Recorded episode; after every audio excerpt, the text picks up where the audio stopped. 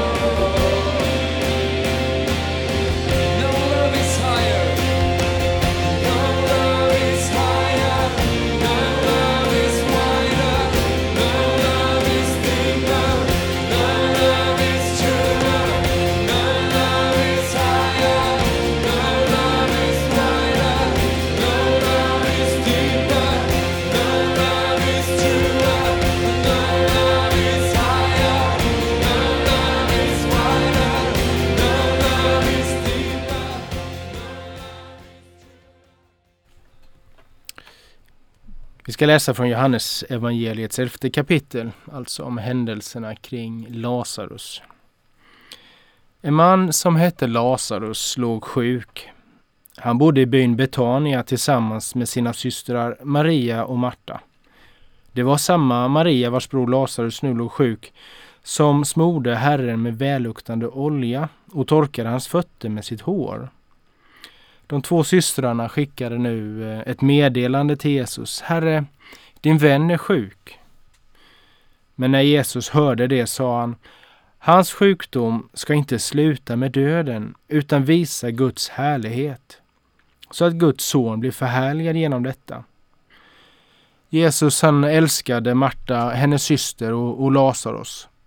Och när han hörde att Lazarus var sjuk så stannade han kvar där han var i ytterligare två dagar. Sen sa han till lärjungarna, låt oss gå tillbaka till Judeen. Men hans lärjungar sa till honom, Rabbi, judarna försökte just stena dig. Ska, ska du verkligen gå dit igen? Och då svarade Jesus, har inte dagen tolv timmar? Om man går under dagen då, då snubblar man inte för då ser man denna världens ljus. Men om man går om natten då snubblar man eftersom man inte har ljus. Sedan sa han Vår vän Lazarus sover, men nu ska jag gå och väcka honom. Och hans lärjungar sa, Herre, om han sover så blir han snart frisk. Jesus menade att Lazarus hade dött, men de trodde att han talade om vanlig sömn. Därför sa Jesus rent ut till dem, Lazarus är död, och för er skull så är jag glad att jag inte var där för att ni ska tro.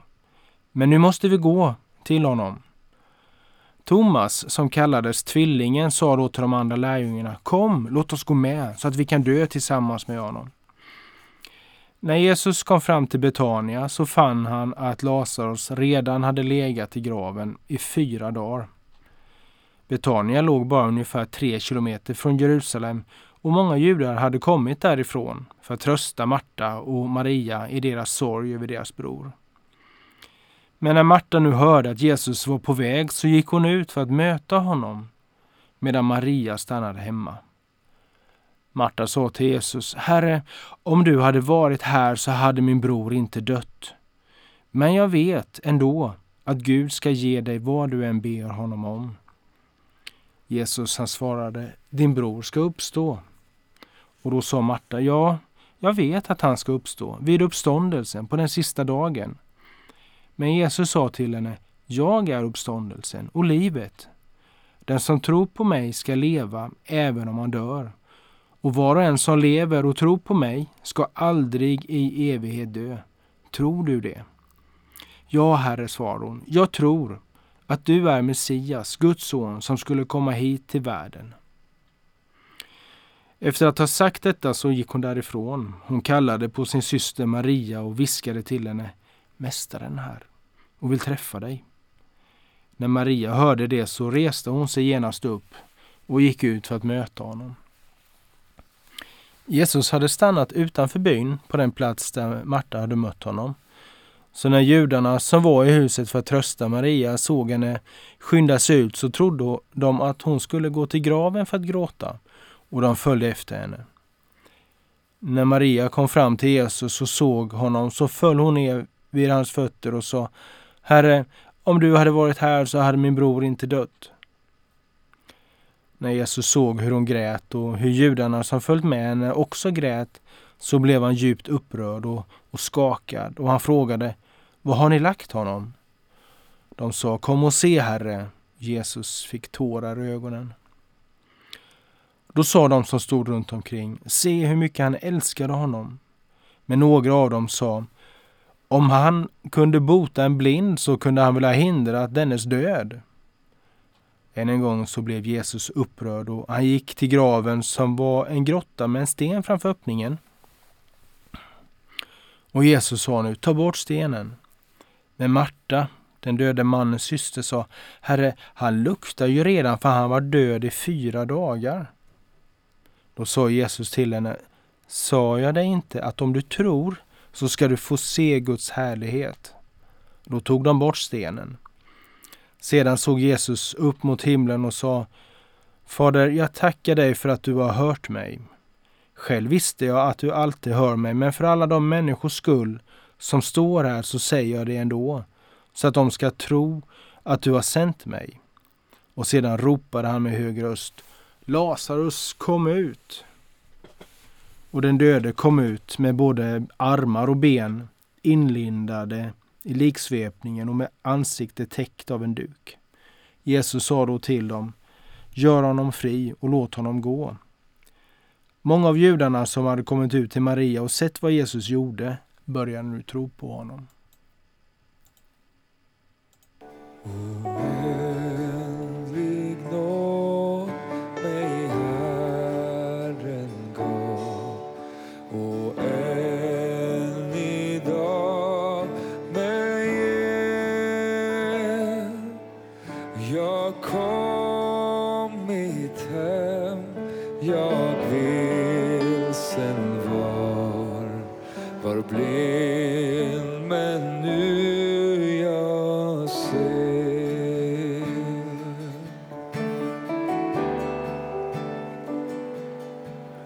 Guds nåd jag själv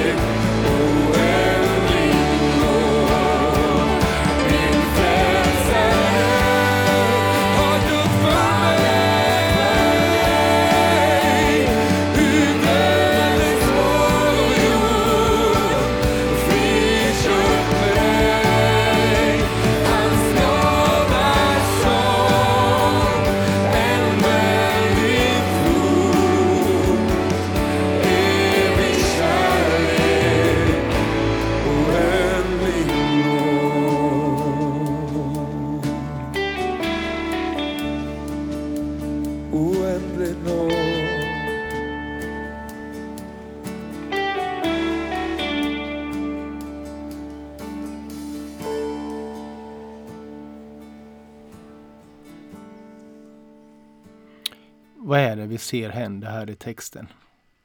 Jo, Marta och Maria de var ju övertygade att Jesus skulle kunna hjälpa deras bror så länge han levde. Men nu var han död och Jesus kunde inte längre hjälpa. Marta försökte dock hålla fast vid sin tro på Jesus. För när Jesus tar upp frågan om uppståndelse så svarar ju Marta utifrån sin teologi och sin världsbild att uppståndelsen den sker vid den sista dagen.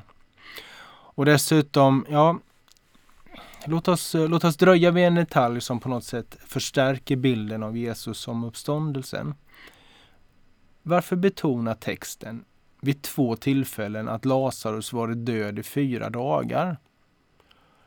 Ja, det fanns en, eh, en föreställning bland judar i det första århundradet eh, att när en person dog så var anden kvar vid kroppen i tre dagar innan den lämnade för gott. Och alltså när typ anden såg eh, den dödes ansiktsuttryck för att den förändrades på grund av den påbörjade förruttnelsen. Då förstod anden att, att eh, det var kört så att säga och lämnade det verkar som att man inte såg det för helt osannolikt helt enkelt att en människa kunde uppstå från de döda om det bara skedde inom tre dagar. Efter fyra dagar så var det helt kört, både mänskligt och religiöst. Den här föreställningen har ju ingen som helst biblisk förankring men, men ändå så verkar den finnas bland judar vid den här tiden. Och det visste ju naturligtvis Jesus om och kanske var det därför han väntade in den fjärde dagen. Även vi kristna av idag har ju olika typer av föreställningar som inte har en biblisk förankring. Och den kan ju ändå prägla hur vi ser på Gud och vad som är möjligt. I det här fallet så begränsar det här Marta att se och förstå vem Jesus är det finns så många olika saker som kan begränsa oss att se Jesu kraft och möjligheter. Det kan vara erfarenheter, det kan vara rädsla, världsbild och omständigheter kanske. Men jag tror att vi är nog rätt många som har saker i våra liv som vi tänker är bortom Jesu möjligheter att förändra och hjälpa.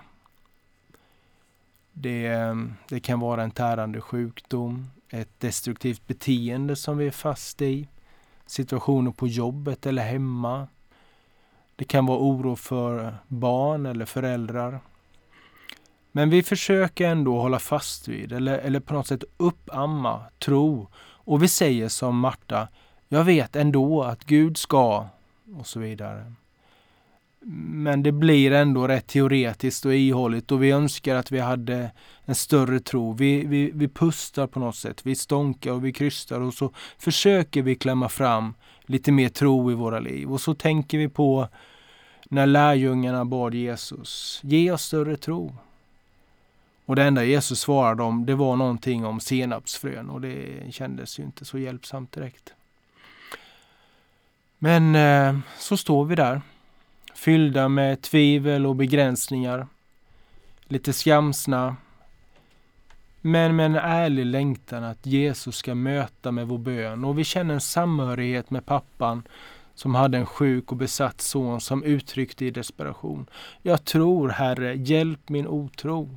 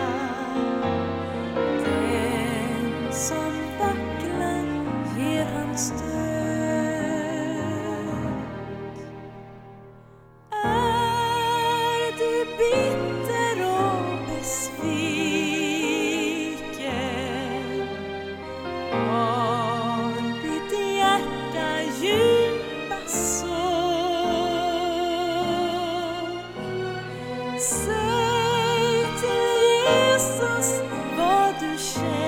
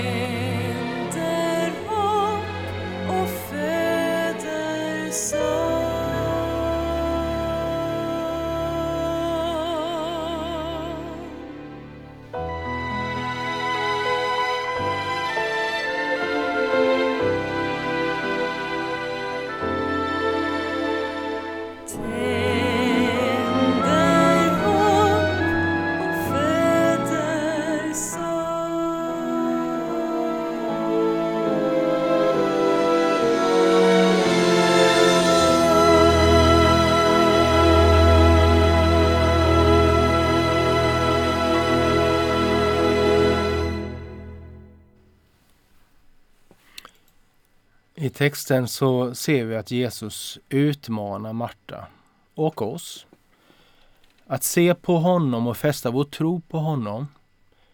Inte utifrån våra känslor utan utifrån vem han säger att han är. Jag är uppståndelsen och livet. Och vidare, om du tror så ska du få se Guds härlighet. Det där är ju svårt att göra av sig själv, i egen kraft. Vi jobbar ju lite mot oss själva här egentligen, mot vår egen ärlighet. Vi vill ju tro, vi vill att tron ska vara uppriktig och äkta. För en teoretisk tro, den, den, den hjälper inte många. Men vår längtan måste driva oss att fästa vår blick på Jesus. Ja, vad ska vi göra då? Vad kan Jesus göra? Om vi återgår till texten så ser vi att med en publik av skeptiker, av tvivlare, av ärliga längtare så ropar Jesus med en hög röst Lazarus kom ut! Och vi vet alla vid det här laget vad det var som hände.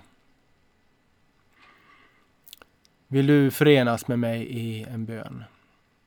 Herre, du är uppståndelsen och livet. Tack att du erbjuder oss att få se Guds härlighet.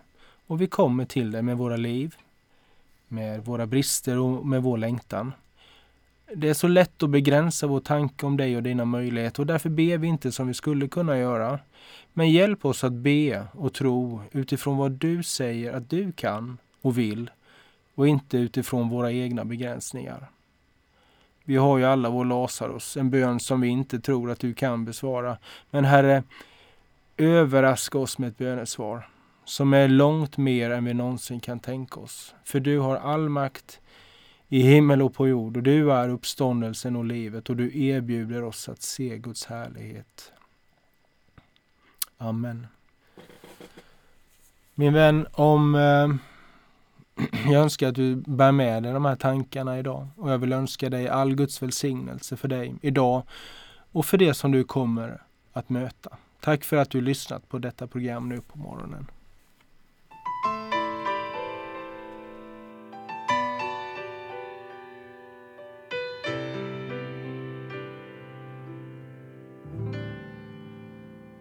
How sweet to hold our new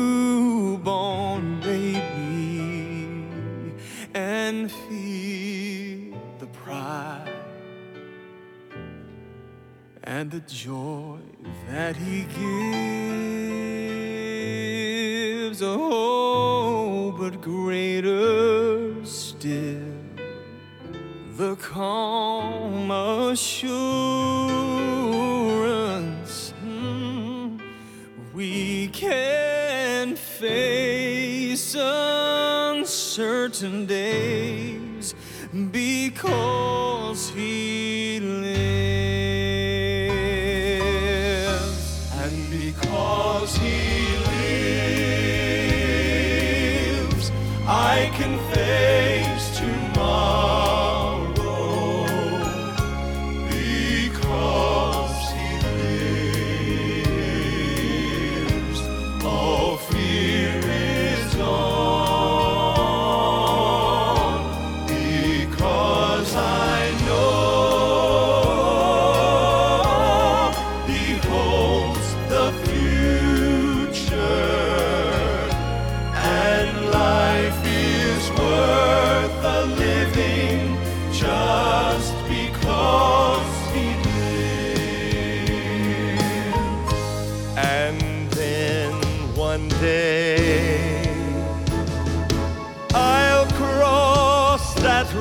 river